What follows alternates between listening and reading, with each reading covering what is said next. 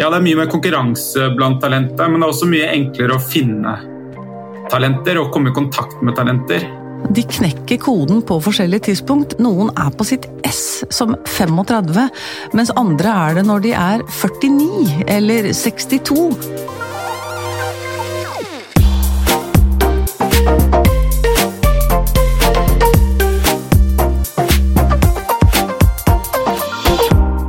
Skal vi lykkes i morgen, må vi ta gode beslutninger i dag. og Derfor har vi invitert noen av landets mest toneangivende mennesker for å snakke om temaer vi vet vil forme livene våre fremover. Dette er I morgen, en podkast fra oss i McKinsey i Norge. Jeg heter Kristoffer Toner, og i dag å vinne kampen om de beste talentene kan bety et være eller ikke være for bedrifter. Men det blir tøffere og tøffere å finne rett person til rett jobb. Så i dag skal vi prate om forskjellen på erfaring og potensial, og spørre hvordan vinner man kampen om de beste talentene i 2022? Og For å diskutere det så har vi med oss ja, to talentfulle gjester med oss i studio. Anita Krohn Traaseth, næringslivsleder, tidligere Innovasjon Norge-sjef og bestselgende forfatter. Velkommen til oss. Tusen takk. Og med oss direkte fra Singapore, sjefen for gründerinkubatoren Antler, Magnus Grimland. Velkommen til deg også. Tusen takk. Anita, jeg starter med deg. Du har jo selv blitt utnevnt blant Norges største ledertalenter i en rekke kåringer opp gjennom eh, årene. Er du først og fremst et talent med stort potensial, eller et talent med mye erfaring? Jeg vet ikke, altså mm, Ordet talent for meg har sikkert utvikla seg, eller har garantert utvikla seg de siste 25 årene. Jeg tror nok et talent for meg er eh, kjønnsuavhengig, aldersuavhengig, kulturuavhengig. Jeg tror vi sitter med kanskje en sånn persepsjon av at talent ofte er knytta til en viss alder mm. og en viss karakteroppnåelse på skolen. Mm. Men jeg tror og vet og ser med den kompleksiteten som vi står overfor nå, at du er nødt til å ha eh, juniorkompetanse, seniorkompetanse, tverrfaglig kompetanse. Evnen til å håndtere kompleksitet, den krever et mye større mangfold av eh, bakgrunner og profiler. Heldigvis, mener jeg, da. Så jeg, eh, jeg tror nok at det å være et talent, det kan man være hele livet. Og forhåpentligvis eh, Nå kan man forsyne seg enda mer av et interessant arbeidsmarked enn det man kanskje gjorde da jeg var 24.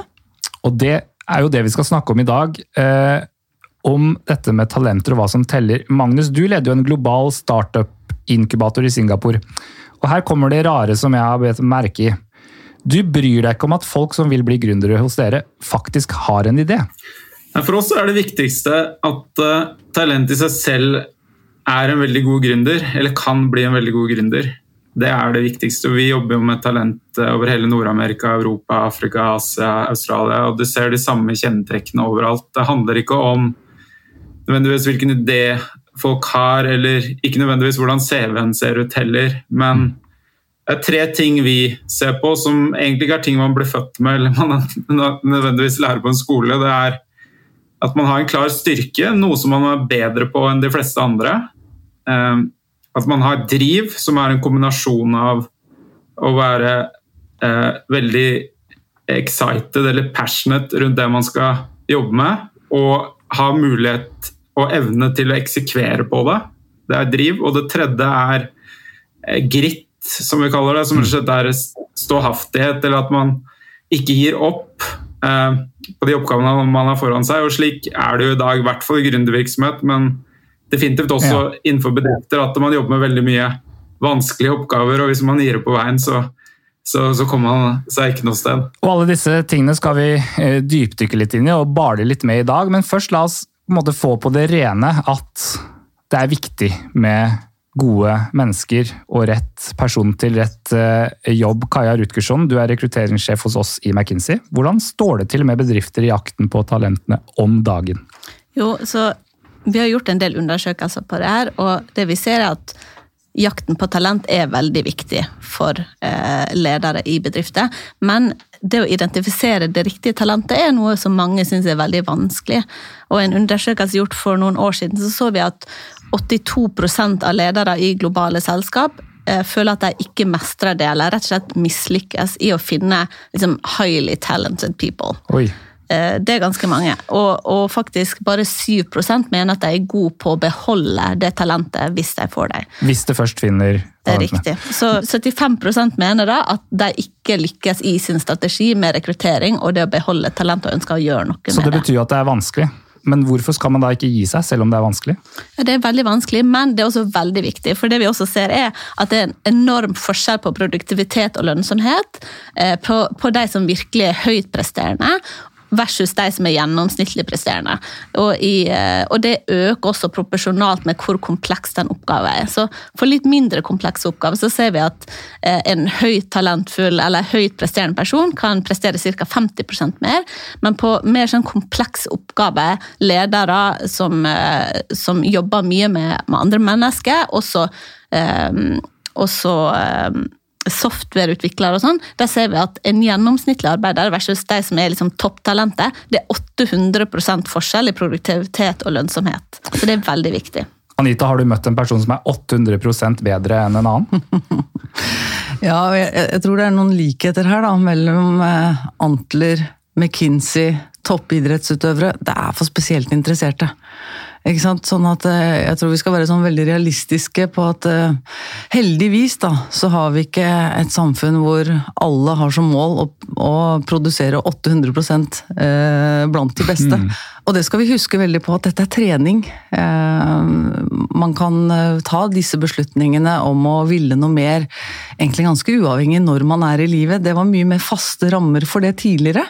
At du skulle helst ha vært leder før, eh, hatt din første lederoppgave før du var 30. Jeg husker da jeg gikk ut av, av skolen i 1996 og var trainee i IBM, så skulle man jo Det var uhørt at jeg slutta der etter tre år og gikk videre. Tre år var jo ingenting. Mens nå, når jeg snakker med unge talenter som har vært et sted fra tre til fem år, så opplever de at de er lenge. Sånn at jeg tror også vår eh, forventning og forståelse rundt eh, ja, det å, det å være talent, det å bli lenge i en eh, bedrift, det å, å attrahere talenter, og det å ta vare på talenter, det er også Jeg tror det er ett nøkkelord her, og det er eh, å være relevant. Eh, og i det øyeblikket du ikke er relevant, du ikke oppfattes som relevant, du ikke ligger foran de andre i forhold til å forstå hva er det som er de nye trendene, hva er det neste generasjon søker etter.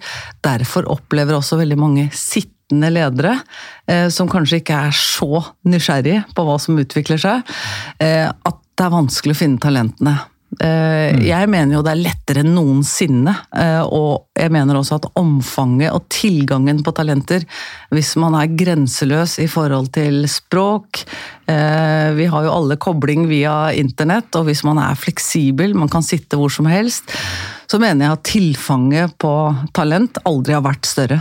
Men, men Kaja, til det poenget til Anita der. Eh, dere og vi merker vel at kampen om talentene likevel er tøffere? Kampen om talent er absolutt veldig tøff nå, eh, og det er noe vi merker altså, det som er Det er flere om beina. Ikke sant? Det er flere om beinet, og veldig mange skal vokse. Det er veldig mange bedrifter som, som vokser, og det gjør også vi akkurat nå. Eh, Og vi ønsker jo fortsatt å rekruttere de som har gått eh, på NTNU og NHH, mye av det vi har gjort tidligere, men for oss er det også, akkurat som du sier, å se litt bredere og få mangfold i de vi ansetter, fordi vi mener vi vil løse våre eh, arbeidsoppgaver på en bedre måte med mangfold. Så vi rekrutterer eh, legestudenter og eh, jurister, men også faktisk i veldig økende grad personer med erfaring fra før blant de vi ansetter nå. Magnus, dette med å identifisere eh, talent, eh, dette er jo sikkert en historie mange liker å bringe opp med deg, men du, du fikk vel et tilbud fra en på det daværende tidspunktet litt ukjent Mark Zuckerberg på eh, Harvard om å begynne å jobbe i Facebook sammen med han, men så takket du, takket du nei, eller du svarte han kanskje aldri? Det var jo in internship, så det var jo før uh, ubetalt internship. Men det er jo definitivt noe man burde ha vært med på.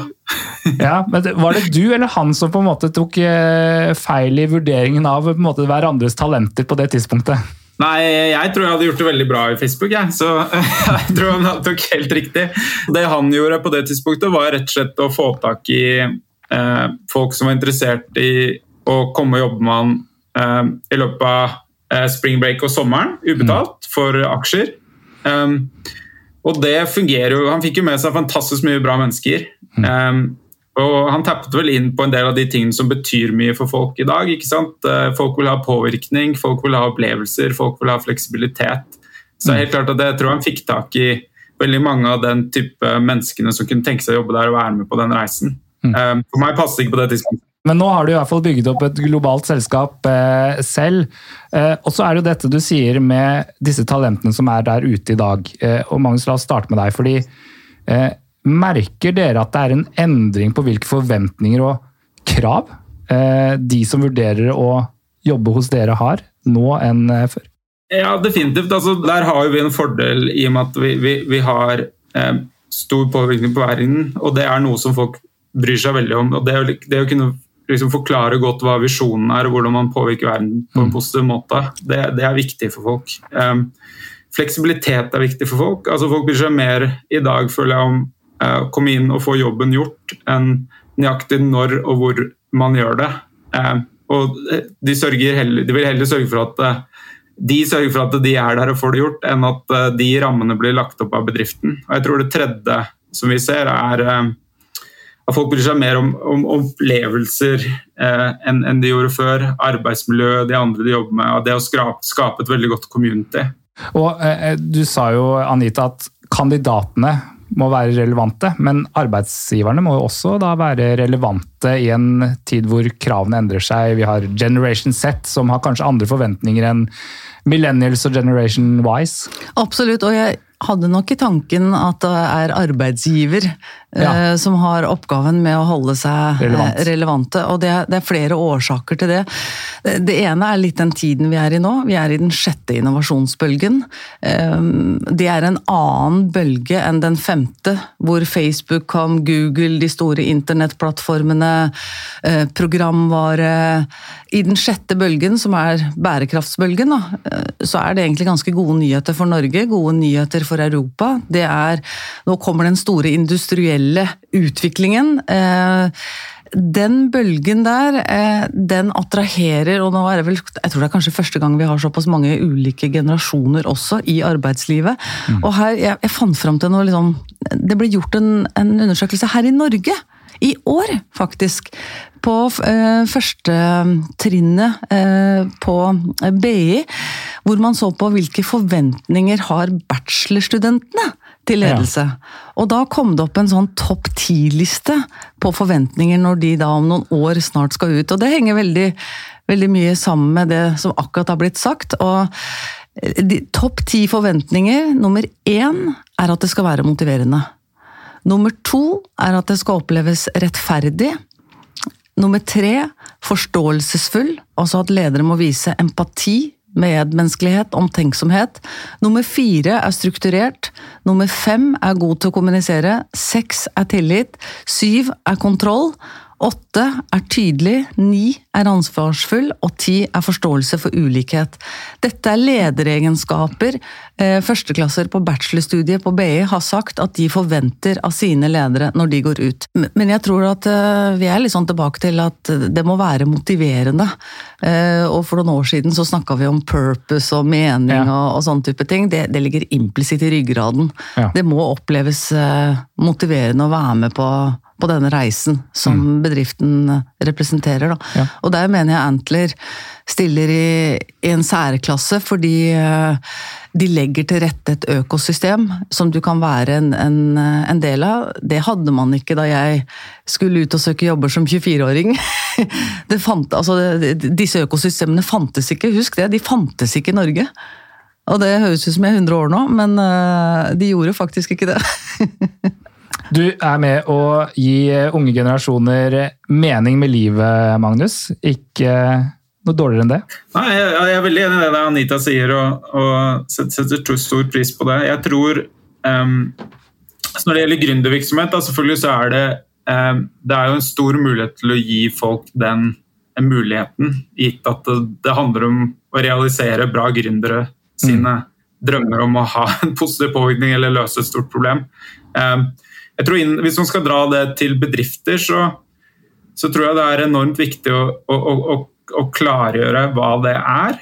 Og, og en ting til som jeg tror er viktig å tenke på som bedrift om dagen, og som vi tenker mye over, det er jo at ja, det er mye mer konkurranse blant talenter, men det er også mye enklere å finne talenter og komme i kontakt med talenter. Jeg, jeg, kan gå inn og, på LinkedIn Recruiter og indeksere hele databasen og få fatt i alle som jobber eh, second line i en vekstbedrift i Norden, og sende mm. en melding. Mm. Det, det, er ikke mulig med at man hadde før. ikke sant? Så jeg tror, tror mye av liksom det å lete etter de talentene og måten vi leter etter de riktige gründerne på, altså der må man også tenke nytt. nytt. Man skal ikke bare få tak i en headhunter eller bare gå etter sitt eget nettverk eller vente på hvem som søker.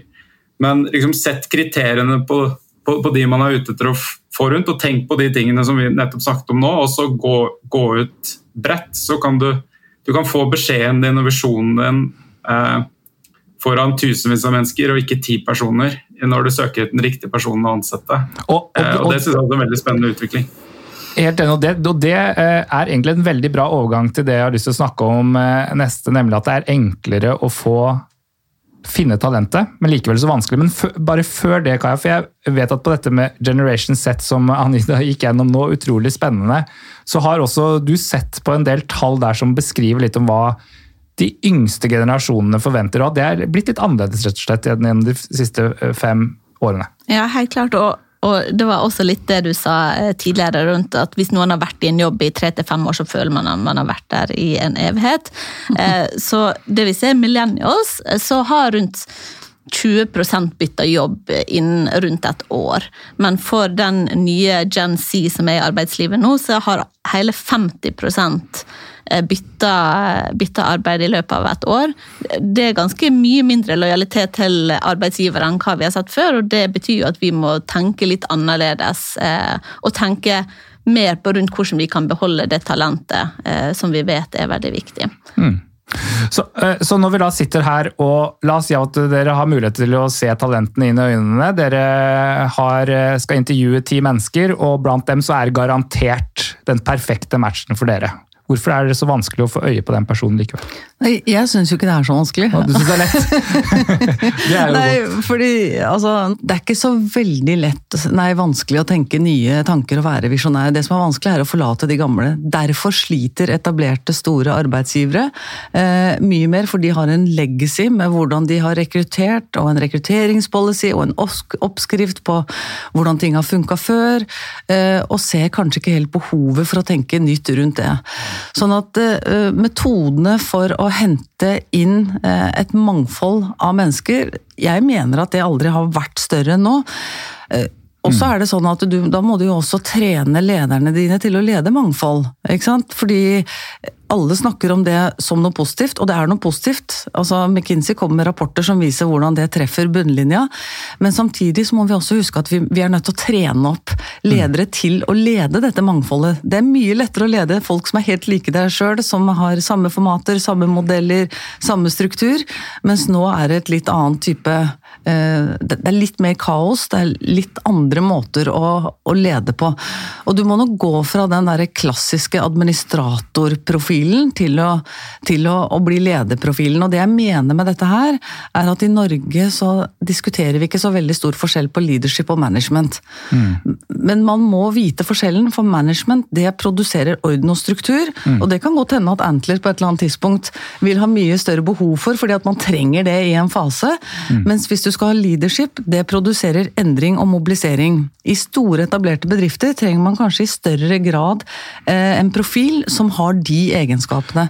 Det ene er ikke bedre enn det andre. Man må vite hva man trenger, hvilken oppgave som skal løses, og så setter man sammen profiler basert på det. Så kravet til å være gjennomtenkt i forhold til hva du egentlig er på jakt etter å oppnå, og så eh, ansette eh, basert på det, den jobben der tror jeg kanskje vi toppledere er, av og til kan gjøre litt slett arbeid på. At vi henviser oss litt til sånn Ja, men sånn har vi jo alltid gjort, og vi har jo avtale med disse hodejegerne, og de har det nettverket men, men, men, ja. men, jeg skjønner Jeg vil utfordre deg litt på, på poenget ditt nå, Anita. Fordi jeg skjønner at det, det, er lett å få inn flere folk og liksom finne mennesker med digitale verktøy. Men til syvende og sist, iallfall i mitt hode, så er det et menneske som skal sitte overfor et annet menneske. Og spesielt dette punktet rundt mangfold, eh, som du snakker om. Er det likevel en fare for da, selv om man har de nye metodene etablert, man har en strukturert intervjuprosess osv., at man likevel faller i de gamle sporene og, og, og se, introduserer skjevheter, eller unconscious bias, som det heter. Eh, og rett og slett misser et kjempetalent fordi mennesker ikke har gått på den skolen. Ja, og det, det, det er liksom en del av dramaturgien. Da. Du vil mm. alltid misse det. Det er akkurat det samme som på en måte premisset for å jobbe med innovative bedrifter. Du vet mm. at 70% av de kommer ikke til å overleve de neste fem åra. det er på en måte litt sånn naturens lov, da. Mm. At, um, at du kommer til å glippe. Eh, og så må du jo lære mest mulig av de eh, casene eller av de situasjonene hvor du ikke har, har gjort disse glippene, da. Eh, vi lærer jo masse av de vekstbedriftene som, som, får det til. Og selv om vi på en måte har en slags oppskrift, så er det veldig mange som ikke klarer å gjøre det allikevel. Mm. Og igjen har jeg lyst til å minne på at, at når det gjelder å enten prestere ekstraordinære resultater, så vil man jo alltid gå glipp av talenter. Noen av disse talentene vil jo også eh, våkne på forskjellige tidspunkt. Mm. Sånn at eh, ja, Innenfor idrett, da. De knekker koden på forskjellige tidspunkt. Mm. Det samme gjør arbeidstagere. Noen er på sitt S som 35, mens andre er det når de er 49 eller mm. 62. Så jeg tror at vi må åpne opp litt mer for den Eh, den forståelsen av hva et eh, talent er. Og jeg tror eh, dette her med energi, gjennomføringsevne og grit som ble nevnt, dette er ting som er ganske karakterbasert. Og ikke mm, ja, Og så er det noen arbeidskulturer som er mm. flinkere til å fremme det. Men ingenting varer jo evig. Du må jo hele tiden jobbe for å sørge for at du har den pulsen. Mm. Og der har vel Kanskje McKinsey godt, eh, er jo et veldig godt eksempel på et selskap som har klart gjennom generasjoner av arbeidstakere å mm. ha det omdømmet. Men så vet vi nå at gjennomsnittlig levetid for en bedrift har sunket mm. fra i underkant av 80 år til i 2030 et gjennomsnitt på 14,5 år. Eh, og det sier jo veldig mye om hvordan også store bedrifter må tenke reorganisering, og også tenke at eh, hva, hva betyr egentlig lojalitet for oss? Magnus, eh, du, jeg kaster den ballen til deg, men med spørsmål også. Hvordan er det dere sikrer at dere ikke går i denne unconscious bias-fellen? Når folk søker, så gjør vi først en, en gjennomgang av av selvfølgelig den informasjonen det har gitt oss. Men så sender vi alle en personlighetstest som folk fyller ut. Og ut av det så får du ganske mye informasjon på toppen av CV-en. Og og så, velger vi ut eh, topp 10 basert på det, som vi har et screening-intervju med. Så vi, vi, kan ta inn liksom 750 personer eh, på en, en, et kort screening-intervju. Og Gjennom det screening-intervjuet så oppdager du ganske mye spennende profiler som du ikke kunne blitt sett på CV-en. Mm. Um, og så går de videre da, til partnerintervjuer. Og de partnerintervjuene så legger vi CV og bakgrunn bort, og vi ser på tre ting. Vi ser på styrke, som jeg nevnte tidligere, og der vil vi gjerne se at noen kan noe bedre enn mm. så å si alle andre. Og det er noe man kan bygge som en styrke. Det kan være at man er veldig flink til å bli kjent med mennesker. Man kan gå inn i en heis med ti fremmede, og når den kommer til bunnen av av etasjen, så, så, så, er du venner med alle og skal ta en pils på fredag. Eller det kan være at du er kjempedyp på en AI-algoritme. Mm. Vi vil se driv. Det handler om person rundt det du vil få til. Og at de har eksempler i sin historie fra gjennomføringskraft, som Anita snakket om. Og så er det tredje dette med grit. Da. Og det er, det er nok enda viktigere i gründervirksomheter enn det er i vanlige bedrifter. Men det hjelper i vanlige bedrifter også for å sørge for at du ikke har noen som bare hopper mm. fra jobben og går et annet sted når ting begynner å bli vanskelig. fordi i alle bedrifter så er det gode tider og bra tider, og da vil de gjerne holde på de beste. Og gründere må definitivt ikke gi opp. Mm. Um, Og der vil vi se eksempler fra når folk har gått gjennom vanskelige situasjoner uh, i livet, hvordan de løste det, eller i jobben, hvordan de løste det. Og gjennom det, så, så liksom det er helt på slutten så, så, velger vi folk egentlig uten, uten, å se på bakgrunnen deres. Men det betyr jo noe i begynnelsen da, når vi gjør eh, initiell eh, filtrering. Ja. Um, og en god bakgrunn vil selvfølgelig sørge for at folk har liksom blitt selektert andre ganger, så det gir jo en god retningslinje, men man må ikke, definitivt ikke kun kunne velge fra det. Ja, og, og, tilbake til spørsmålet ditt. Jeg, vi kommer ikke unna unconscious bias. Jeg tror vi bare må akseptere mm. eh, at de fleste ansettelser de er selektive. Og at vi mennesker har en tilbøyelighet til å velge noe som som er likt oss selv. Det er jo derfor dette her er så viktig, da, at det er flere stemmer og hoder inne i en ansettelsesprosess som gjør at vi blir tvunget til å tenke annerledes. For én ting er jo å gå på en måte litt sånn utenfor og se etter leger og jurister, men jeg mener jo også at vi må se etter filosofer, idéhistorikere. Mm, mm, mm. Altså de fagene altså nå trenger vi folk som tør eh, å ha kapasitet til å stille en del spørsmål som, som, som, ikke kommer fra et økonomisk eller ingeniør eller juridisk perspektiv. Det, det, er det jeg mener med det mangfoldet. Og jeg, jeg tror også det handler veldig mye om at eh, Eh, vi som arbeidstagere ikke ser på arbeidsgivere som veldig sånn firkanta, at de ikke er på jakt etter annerledeshet. Vi må også tørre å vise den annerledesheten ganske tidlig. Fordi, fordi nå har jo dere også vært i arbeidslivet ganske mange år. Gjennomsnittet leverer ikke maks energi. Gjennomsnittet leverer ikke annerledeshet, så bare det å tørre å gjøre det, mm, ja, så differensierer du det. Ja. Eh, og, og, det er jo sånne ting som trygghet. Altså, det hjelper jo ikke å være best i faget hvis ikke du også evner å kapitalisere på den kunnskapen, og, og at du klarer å bidra til kollektiv kunnskap. Eh, og det er sånne type ting jeg tror nå har blitt mye viktigere, heldigvis, i deres generasjon, enn det det kanskje var i min generasjon. Tiden går eh, fort, og da skal alle tre få det samme spørsmålet, eh, som krever ett konkret svar, nemlig hva bør ledere som ønsker å vinne i kampen om talentene, gjøre bli god til å kommunisere visjonen eh, til selskapet eh, på, i forhold til påvirkning, fleksibilitet og eh, opplevelser. Bra. Anita? um, alltid huske ordet relevant. Er vi relevante? Og å ligge minst fire trekk foran og vite hva som skjer, selv om ikke du er helt sikker. Men du må følge med i timen, altså. Kort sagt, følg med i timen og ligg foran. Bra. Oppfordring tydelig. Kaja, du får siste ordet. Ja, så jeg tror Finne ut hva din bedrift er distinktiv på. Pass på å kunne kommunisere det til talentmassen på en veldig god måte. Og så tror jeg også jobb veldig hardt for å beholde dine 10% beste ansatte.